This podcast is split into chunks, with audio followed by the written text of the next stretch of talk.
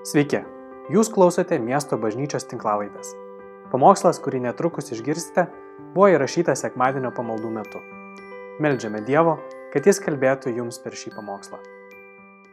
Praeitą kartą Džonas kalbėjo apie tai, kaip svarbu atgręžti tėvų širdis į savo vaikus. Šiandien norėčiau pažiūrėti į tą santykį per kitą prizmę. O kaip atgręžti suaugusių vaikų širdis į savo suaugusius, kartais e, turbūt ir senstančius tėvus. Ir šita tema nėra paprasta, jinai labai jautri. Kiek aš pasikalbu su pažįstamais draugais, tiesiog žmonėmis skirtingose aplinkybėse, kai tik palėtė temą, o kaip jūsų santykis su tėvais, dažnai pamatai tarsi šešėlis eina per veidą. Nes nepaisant to, kad laikas bėga ir liktai ir mes, ir jie esam jau suaugę, tie santykiai kažkodėl nesidaro paprastesni. Maža to, laikui bėgant toks jausmas, kad jie sunkėja, sudėtingėja. Kodėl? Ką su tuo daryti? Šiandien pabandykime apie tai pakalbėti. Man asmeniškai šita tema nėra paprasta. Kai mane paprašė būtent e, apie tai kalbėti, aš pagalvoju, kad iš tiesų Dievas turi gerą humoro jausmą, nes iš visų galimų temų šita man yra viena sunkiausių. Aš pats esu asmeniškai daug su to dirbęs, daug išgyvenęs ir vis dar daug per ką einu. Ir turbūt tai, ką šiandien kalbėsiu, visų pirma kalbėsiu savo, nes man to reikia labiausiai. Dievas šventam raštė dažnai paliečia klausimus, kurie yra nu, tokie amžini. Tai yra iš mūsų prigimties, jis supranta, kad tai bus iššūkis ir mums reikia kartais net ar įstatymo, ar patarimo, kažką dėl to reikia daryti. Ir jau žino šitą vietą iš Malachijo knygos ketvirtam skyriuje, penkta, šešta eilutė skamba taip. Aš siūsiu jums pranašą Eliją, prieš ateina didingai ir baisiai viešpatės dieną. Jis atgręš tėvų širdis į vaikus ir vaikų širdis į tėvus. Matyt, reikia papildomų pastangų, kad atgręžti tėvų širdis į savo vaikus ir suaugusių vaikų į savo suaugusius tėvus. Aš užaugau, kaip turbūt yra dauguma iš mūsų, nepaprastoj šeimoje. Nu, jinai buvo paprasta tuo metu, aš negalvoju, kaip aš augau, bet tos aplinkybės buvo visokios. Tėvas jūreivis dažnai būna jūroje, daug mėnesių nenamie. Tai tom dienom, tais mėnesiai, kai būdavo namie, ne visada jisai buvo tinkamas bendravimui, turėjo priklausomybę. Mano mama sunkiai dirbo, jai reikėjo užauginti du vaikus, mane ir mano vyresnį sesę. Ir nors mes nebuvom sunkus vaikai tam tikrą prasme, vis vien vienai auginti du vaikus, dirbant pamaininį darbą, nežinant, kaip tai daryti teisingai, bet mylėdama mūsų, jinai tikrai pasistengė duoti mums kas geriausia. Bet kartais atrodo vis vien, nu padarai tas klaidas. Ir aš užaugau su tam tikrais įsiskaudinimais savo tėčiui, savo mamai. Ir kažkodėl aš pamaniau kažkada, kad jeigu man taip skauda viduj, tai aš turiu teisę tarsi elgtis su savo tėvais nebūtinai blogai, bet taip, kaip aš noriu. Iš to savo skausmo. Aš būsiu pagarbus, bet tą santykį aš padarysiu nu, tokį tolimą, kiek man pačiam tai yra patogu. Laikų bėgant aš supratau, kad mano tas būdas, kaip aš ilgiuosi, būdamas jau suaugęs vyras su savo tėvais, jisai ne visai suaugęs. Jisai tarsi besikartojantis šablonas iš mano vaikystės. Tiesiog aš pasikeičiau išoriškai, bet iš vidaus aš esu toks pat sužalotas vaikas, kuris nelabai žino, kaip dorai kurti santykių su savo tėvais. Nes vaikystėje mes visi išmokstam kažkokių tų savisaugos mechanizmų. Vieni iš mūsų mes supykstam ir užsidarom ir tada per gyvenimą einam tiesiog užsidarę, nutraukę tą santykį. Ir savo pateisinam, kad aš toks tam, kad tiesiog nieks negalėtų manęs įskaudinti. Tuo pačiu ir mano galimai suaugę jau tėvai. Kažkas iš mūsų, kas augo aplinkoje, kur buvo daug neapibrištumo, jie išmoko viską kontroliuoti. Nes tai buvo vienintelis būdas, kaip užtikrinti kažkokį stabilumą. Ir užaugę, jie stengiasi viską valdyti, viską kontroliuoti. Tuo pačiu ir santykius. Tai gali būti santykiai su jų mažais vaikais, kartais tai būna santykiai jau su brandžiais tėvais. Ir tai irgi įneša tam tikrą atspalvį tą santykį. Kai kas vaikystėje, gindamas savo tą skausmą, išmoko pulti ir per gyvenimą ėjo, nu tarsi, kurdamas konfliktus ten, kur net jų kartais nereikia kurti, bet tai buvo vienintelis būdas apginti save. Ir tas santykio kūrimo būdas perėjo ir į tą suaugusią gyvenimą, kai jau nieks ir nepuola, bet mums atrodo, kad vis vien reikia gintis ir pulti tam, kad niekas mus neužpultų. Tame tarpe ir santykiuose su tėvais. Mes išmokom tos gynybinius šablonus vaikystį tam, kad save apsaugot. Paradoksas tame ir tame ir liudesys, kad visą tai mes atsinešame savo suaugusiųjų gyvenimo. Ir mes išoriškai tarsi jau esam pasikeitę. Tau gali būti 15, 20, 30, kem penki, pem penki. Ir tau tave visi gerbė, tu atrodo labai reprezentatyviai ir tikinančiai kalbi. O vidumi tu esi vis dar sužalotas vaikas, kuris savo santykius kūrė kaip sužalotas vaikas. Ir kol mes net pažinsim to savo vidinio vaiko ir jo įskaudinimo, jo sužalojimo, kol mes nesuprasim, kad mes galim leisti tam vidiniam vaikui tarsi pailsėti. Aš esu suaugęs žmogus. Aš vaikystėje neturėjau galimybės rinktis, kaip man elgtis, kaip man reaguoti. Tačiau dabar Dievas man suteikė teisę, įgalina mane rinktis, kaip pasielgti vienoje ar kitoje situacijoje. Ir tas suvokimas, kad aš nebesu vaikas ir nebeprivalau reaguoti kaip vaikas, nors man gali būti 45 arba 50 metų, aš manau, tai būtų pirmas kelias į tų sveikų santykių su savo tėvais atstatymą. Iš dalies tai yra tas atgręžti savo širdį į tėvus. Tarsi leisti savo pasirinkti kitokį elgesį. Tai čia yra suaugusiųjų vaikų istorija. O kaip galbūt tas pats atrodo iš mūsų tėvų perspektyvos? Nes jie irgi gyveno labai sunkiu laikmečiu. Jų tėvai, pokario laikotarpis, badas, didžiausias buvo pasiekimas, jeigu tu turi iš ko valgyti. Niekas negalvoja, ką reiškia auklėti vaiką. Niekas negalvoja, ką reiškia jį mylėti, apkabinti, kaip sukurti saugumo jausmą. Ir mūsų tėvai kažkaip užaugo ir kai mes gimėm, jie stengiasi iš to, ką jie gavo, duoti mums dar daugiau. Ir jų akise jie tikrai stengiasi dažnai virš to, ką gavo patys. Nes mes neturim su ko lyginti, o jie turėjo. Ir jiem atrodo, nu ką aš dar galiu duoti vaikui labiau negu kažką uždirbti, kažko pasirūpinti, padovanoti jam to, ko pats neturėjau. Ir be abejo, iš to nemokėjimo jie darė daug klaidų. Bet tos klaidos buvo meilės klaidos. Ir štai mūsų tėvai užaugo, mes užaugom, jie pradeda senti ir ateina daug baimių. Baimė, kad aš būsiu nebereikalinga arba nebereikalingas. Kad mano mažylė, mano mažylis, anksčiau tai ateidavo pasiklausti, o kaip tą daryti, kaip aną daryti o dabar nebeklausia. Mano patarimai atrodo kvaili.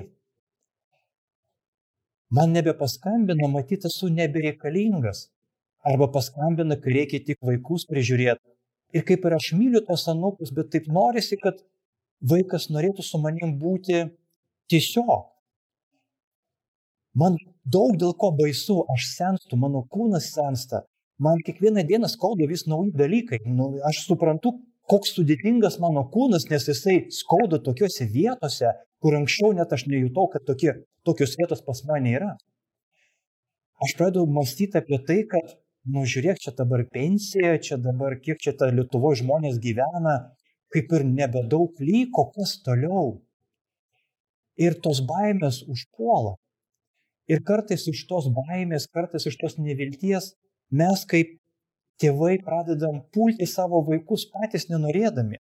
Norėdami pagirti, pasakom kokį priekaištą, norėdami padėkoti, pasakom, kodėl, kodėl skambinė, o kai paskambina, ko skambinė taip dažnai, o ko taip mažai kalbėjo, o kodėl. Ir mes pato patys pasimetam, mes nenorim, bet kažkas su mumis vyksta, mūsų kūnus mūsų išduoda, mūsų psichika mūsų išduoda mūsų hormonai mūsų išduoda, mūsų atmintis mūsų išduoda, mums viskas, viskas kelia stresą ir įtampą. Ir taip norisi nepasimesti, nepasiklysti tarp tų baimių ir tą santykį išlaikyti. O vietoj to kartais patys greunam tą santykį, o vakarais liūdim dėl to, gal kartais net verkim. Ir kai pradedi matyti šitą situaciją iš dviejų pusių, kaip lengva supykti ir pasirinkti tą vaikišką reakciją, nekalbėti. Arba pasitraukti iš to santykio. Kaip vaikystėje mes trenkdavom duris ir nekalbėsiu su tavim, taip ir mes, ar tau šiandien 75 ar kem 5. Tas vidinis sužalotas vaikas vis dar nori pasirinkti tą neteisingą kelią, kelią, kuris neveda į santykių atstatymą ir taip sunku pasirinkti tą suaugusiai kelią, apie ką kalba Dievas. Kaip gaila bebūtų, kartais Biblija mums neduoda daug patarimų, ką su tuo daryti. Na, nu, kitaip tariant, Dievas mums labai aiškiai pasako, ką daryti. Ir kad tai yra svarbu. Bet kaip tai padaryti dorai, kartais neišeina arba kartais nėra aišku iš pirmo žvilgsnio. Na, pirmą, ką mes suprantam, kai žmogus bręsta, dabar aš labiau kalbu apie suaugusius vaikus, pirmas etapas tai yra atsiskirti nuo savo tėvų, bet nebūtinai fiziškai, bet suvokti, kad tu esi asmenybė, kad tu dabar esi irgi suaugęs žmogus. Tu kadaise buvai vaikas ir galėjai rinktis vaikišką kelią, bet dabar tau yra 20, 25, 30, tu jau esi suaugęs žmogus. Ir tu tarsi jau turi išmokti rinktis kitokią reakciją, kitokį kelią. Mesgi skaitom Morkaus Evangelijoje 10 skyriuje 7-8 eilutę. Todėl vyras paliks savo tėvą ir motiną ir susijungs su savo žmona ir ji taps vienu kūnu. Taigi jie jau nebėra, nebėra du, o vienas kūnas. Ir ta frazė paliks tėvą ir motiną, tai nereiškia, kad apleis tėvą ir motiną, bet paliks su, su ta mintim, kad tu pradedi suvokti save kaip asmenybę, kaip suaugusių žmogų, kuris pats renkasi kelią, kuris pats priima sprendimus ir kuris pats turės išmokti kurti santykius, suaugusio žmogaus santykius su savo jau perspektyvoje ateityje esančiais tėvais. Ir kad tai bus kiek kitoks kelias, negu buvo vaikystėje, kur tu labiau reaguodavai į tėvų elgesį, o dabar tu renkiesi, ką dėl to daryti. Nors tas pasirinkimas kartais būna ganėtinai sudėtingas. Taigi pirmą, suvokti save kaip suaugusi, nes Dievas tave jau užaugino ir suteikė tau visą teisę būti kitokiu ir mąstyti kitaip. Antras žingsnis ne ką mažiau svarbus, turbūt net ir svarbesnis, tai yra pradėti atleisti. Ir aš sakau, kad atleidimas tai yra procesas. Tai retai, kada tiesiog įvykis, aš tau atleidžiu, nu, lengva pasakyti. Bet atleisti už tam tikrą skausmą, kurį mes patyrėm vaikystėje, tai yra būtina sąlyga mums atkurti savo santykius su tėvais. Ir čia aš noriu paguosti kažkiek tėvus, jūs nenorėjot mūsų skaudinti. Daugelį atvejų jūs net nežinojot, kad mums skaudėjo. Mes patys nežinojom, kodėl mes taip um, skaudžiai priimam tam tikrus dalykus. Tiesiog tai suskaudėjo. Kiek būna atveju, kai mes kaip tėvai pasakom frazę, vienas vaikas nusišypso, kitas apsiverkia. Nes vienam tai pasirodė jokinga, o kitam tai pasirodė be galo skausminga. Tu ne visada žinai, kaip tavo veiksmai ir kaip tavo žodžiai paveiks tavo vaiką. Ir aš kreipiuosi į suaugusius vaikus. Taip, vaikystėje mes negalėjom nei pasirinkti tėvų, nei galimai pasirinkti savo reakcijos. Ir taip mums skaudėjo. Tačiau dabar mes turim teisę pripažinti taip, tai buvo skaudu, taip, tai buvo praeiti. Ir aš noriu tai palikti praeiti. Bet nepamirštant. Kiti sako, aš pamiršau. Neįmanoma pamiršti be atleidimo.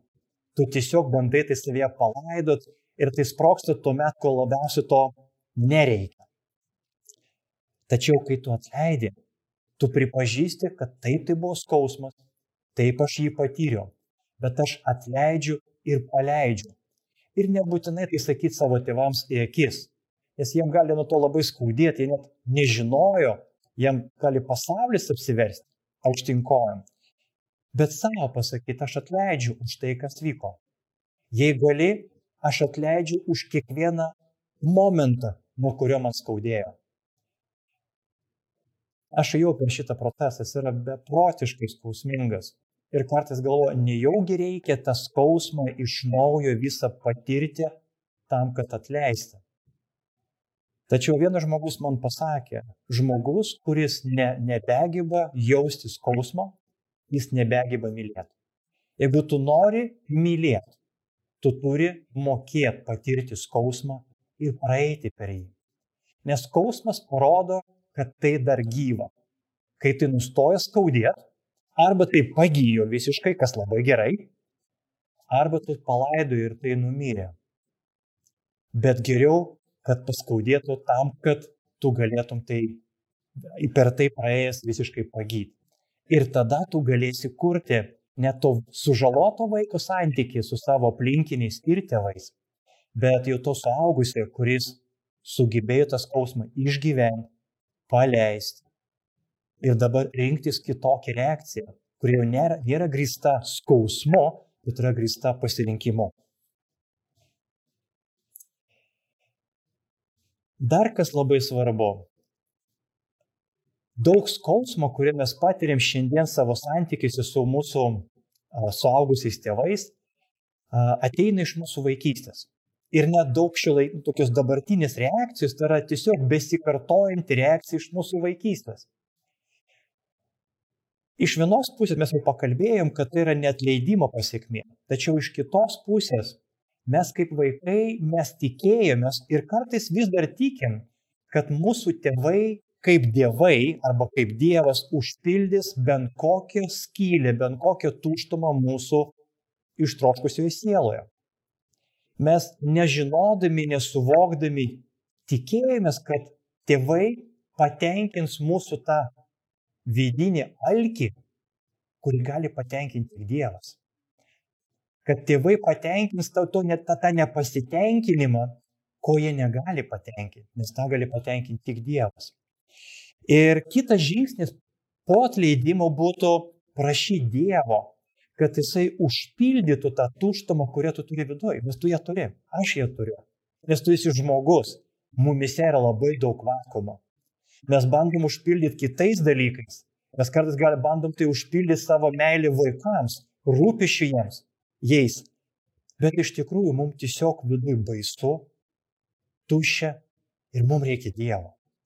Tai mano padrasinimas prašyk Dievo parodyti savo tas tuščias vietas ir pakviesti jį į tą vietą, į tą skausmą, į tą baimę, į tą neapibrieštumą, kas ten bebūtų, į tą nesaugumą, pakviesk jį, nes jisai gali atnešti tą saugumą, jis gali atnešti tą tikrą pilnatvę.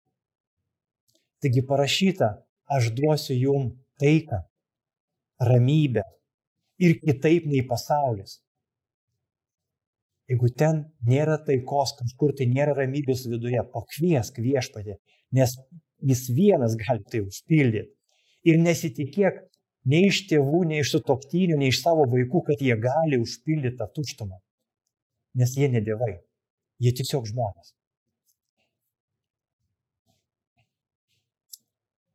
Ir jeigu mums pavyko suvokti, kad aš esu suaugęs žmogus, kuris renkasi savo reakciją, to santykių kūrimo su savo tėvais, jeigu aš pradėjau eiti per atleidimo procesą, O reiškia, aš vis mažiau ir mažiau reaguoju į savo tą skausmą, bet labiau kuriu naujus santykius. Jeigu man pavyko pakviesti Dievą į savo tas tuščius kampelius, kad jisai užpildyto, mes galim žengti toliau. Mes galim pradėti mokytis atjautos. Ir mūsų tautoj atjautos procesas arba tas atjautos savoka, angliškai compassion, nėra paprastas. Mes daugiau mažiau suprantam, ką tai reiškia, kai mes kažko netenkam artimo. Bet ką reiškia atjausti gyvam žmogui, atjausti kitam, mums tai kartais yra mislė. Atjauta tai yra, kai aš suprantu, per ką tu eini, aš suprantu tavo jausmą, aš suprantu tavo patyrimą, aš suprantu, per ką tu, kaip tu matai tą situaciją, ar jinai kokią emociją tave sukelia ir tuo pačiu aš sakau, aš suprantu, kad tai yra irgi žmogiška, kad taip galima jausti, kad taip galima reaguoti. Aš nebūtinai sutinku su tuo, bet aš suprantu. FTB dėrybininkas Krisas Vosas žmogus, kuris daug metų praleidė su teroristais, gelbėdamas įkaitų gyvybę, jis sako, kad iš visų išbandytų įrankių, kurie leisdavo susitarti su teroristu, kuris paėmė kitą žmogų įkaito, nieks neveikia taip galingai kaip atjauta. Ir atrodo, atjauta, teroristai. Taigi mes turim naudoti jėgą, mes turim priversti jį, gal pagazdinti. Ir jisai sako, ne, jis neteisingai mato situaciją, sako, pagalvokit, per ką turėjo pereiti žmogus, kuris irgi gimė kažkokioje šeimoje, kad užaugęs jis nuspręstų paimti kito žmogaus gyvybę įkaito su tikslu atimti gyvybę. Jisai per kažką ėjo, kažkas su juo vyko, jisai dėl kažkokių priežasčių padarė šitą baisų sprendimą, bet Jisgi irgi žmogus. Ir jeigu mes suprasim, kaip mato situaciją tas žmogus, mes nesutinkam su juo, bet mes parodom, kad taip, per ką jisai ėjo, kaip žmogus. Taip irgi gali būti. Nebūtinai jo kelias yra teisingas, bet jo emocija labai reali. Ir jeigu mes suprantam to žmogaus jausmą, mes galim kalbėti apie kitą būdą, reaguoti tą jausmą. Ir galbūt paimti kito žmogaus gyvybę nėra tinkamiausias kelias arba būdas atliepti tą emociją. Gink Dieve, mūsų aplinkiniai, mūsų tėvai arba santykiai su kitais žmonėmis tikrai jie nėra teroristai ir mes nesam teroristai. Bet jeigu atjauta sugeba paveikti net labai piktą žmogų, kuris yra pasiruošęs atimti kito žmogaus gyvybę, tai galbūt atjauta yra tikrai galingas įrankis atkūrinėti arba kurti santykius su mūsų artimaisiais, tame tarp ir su mūsų tėvais. Kaip jie bereaguotų. Ir tai yra be galo sudėtinga, kaip tu pats kartais dar esi tame skausme iš savo vaikystės. Bet jeigu mes savo klausimą užduotumėm, dėl ko jie taip reaguoja, ko jie bijo, kas su jais vyksta. Ne ką aš dabar jaučiu po to, kai man tai tai susakė, bet įdomu, kas turėjo vykti mano mamos, mano tėvo širdyje, iš ko jisai tą pasakė. Nes žmogus kalba iš širdies tos, kai ten kažko daug ir iš to daug jie kalba. Ir jeigu ten daug baimių, tai galbūt mes galim atliepti tą pojūtį ir padėti jiem mažiau bijoti gal nuraminti, gal pasakyti padrasinti žodį, gal jie supykė ant kažko arba pasimetė Ir supratę tai mes galim taip pat atliepti ir kitokį žodį pasakyti. Ir aš suprantu, tai nėra paprasta, ypač kai tave skaudina. Tačiau, kai mes buvom vaikai ir mus kažkas skaudina, mes reaguojam kaip vaikai. Kai mes esam suaugę ir mus kažkas skaudina, mes galim pasirinkti, prisimti atsakomybę už tą situaciją ir pabandyti kitaip spręsti šitą situaciją. Atjausdami tą žmogų, kuris šiuo atveju galbūt mums atrodo net puolamus, arba pykstant mus, arba skaudinamus, arba sako širkštus žodžius su netiesa. Ir vis dėlto jie kalba iš savo skausmo. Jie kalba ne prieš tave, jie kalba iš savęs. Ir kai tu supranti, kad žmonės kalba iš savo skausmo, iš savo baimių ir kad jie tame gyvena, galbūt, galbūt tai padės mums kitų kampų pažiūrėti ir leis mums pasirinkti kitokią reakciją ir pripažinti, kad tai, kaip jie tai mato, tai iš tikrųjų gali būti baisu. Arba tu gali būti pasimetęs.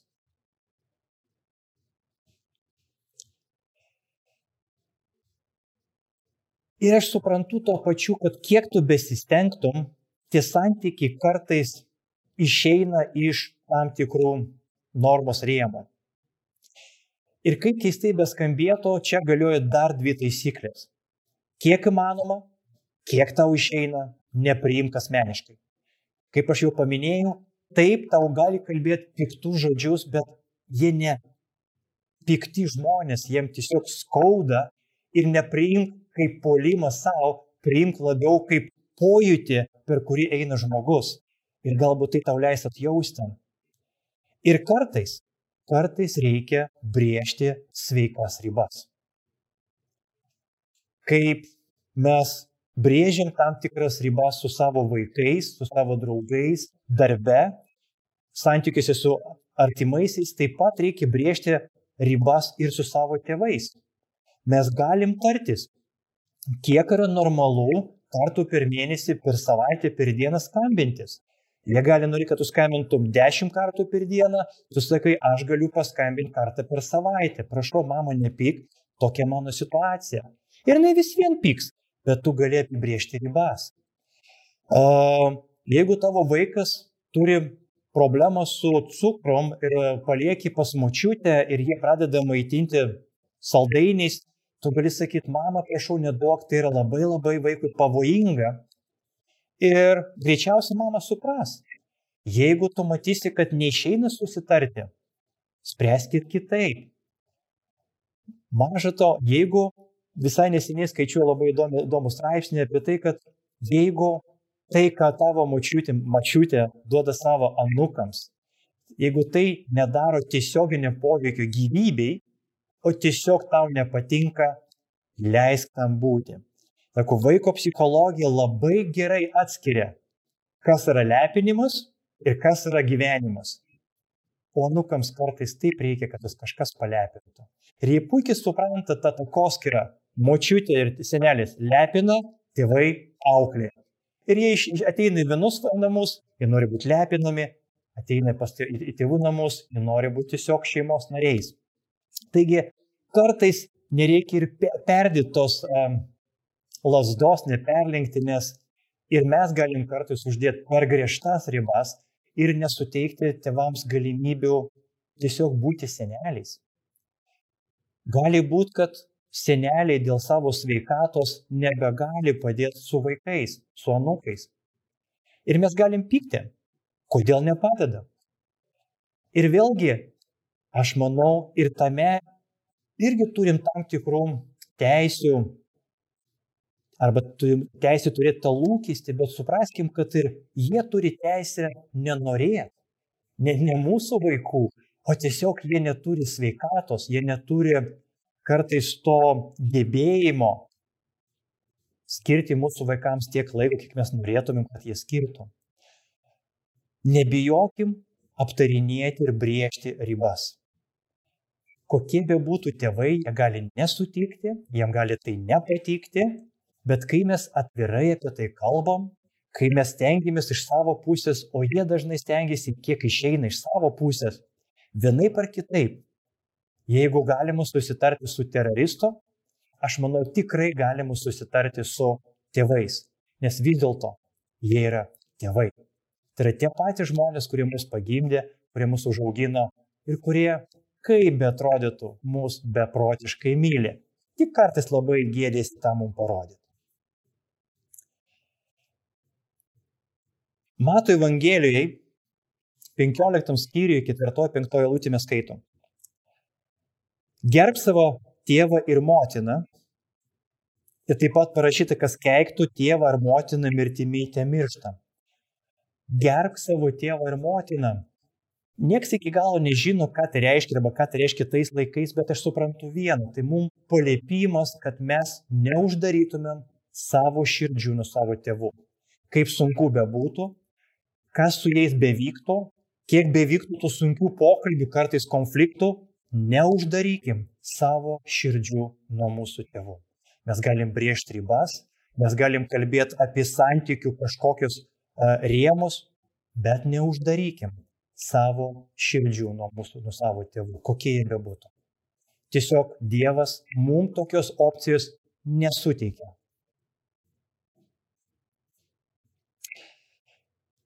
Ir kaip įdomiai, Jėzus mirties slengsti, jisai pagalvoja apie savo motiną.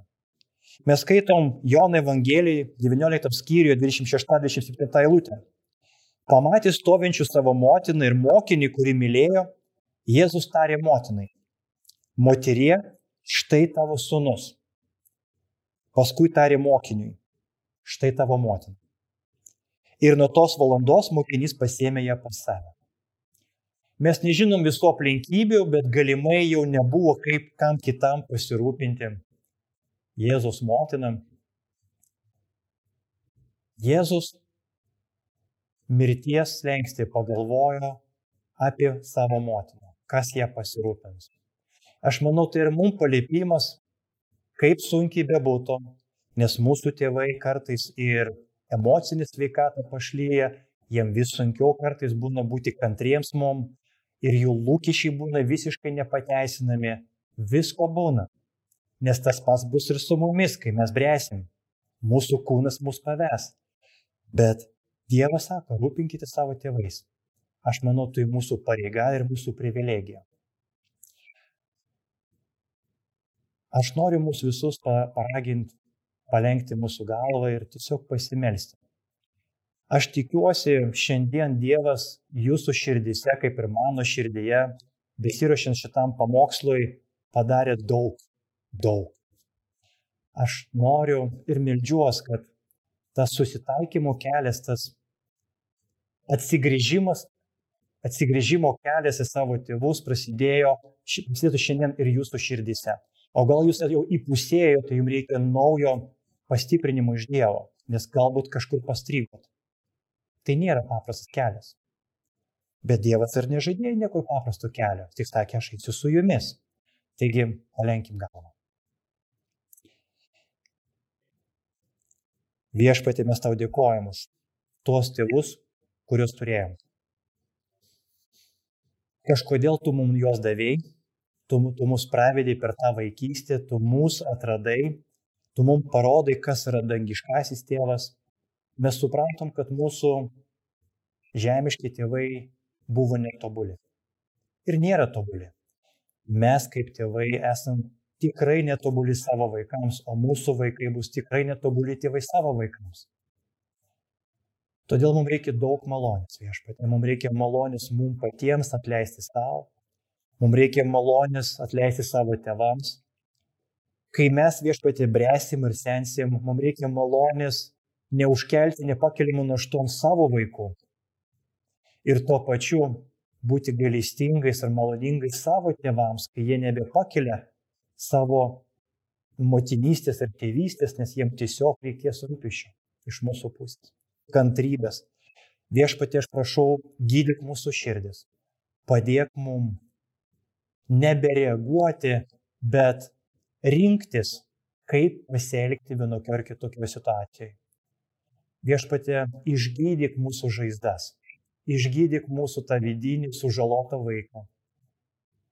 Padėk mums suteikti mūsų vidiniam vaikui tiesiog jo vaikystę ir dabar pasirinkti gyventi suaugusią gyvenimą.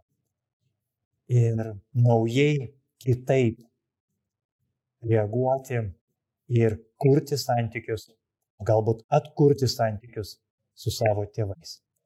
Viešpati prašom tavo pagalbos šitame kelyje. Ir kaip ir pažadėjai, eisi su mumis per visus išbandymus. Ir aš žinau, kad tai bus geras kelias. Atstatymo, meilės, atleidimo, nes būtent taip tu ir sukūrė tą santykį. Ačiū tau. Amen. Ačiū, kad klausėte. Daugiau informacijos apie miesto bažnyčią rasite internete www.m-b.lt arba Facebook, Instagram bei YouTube paskiruose.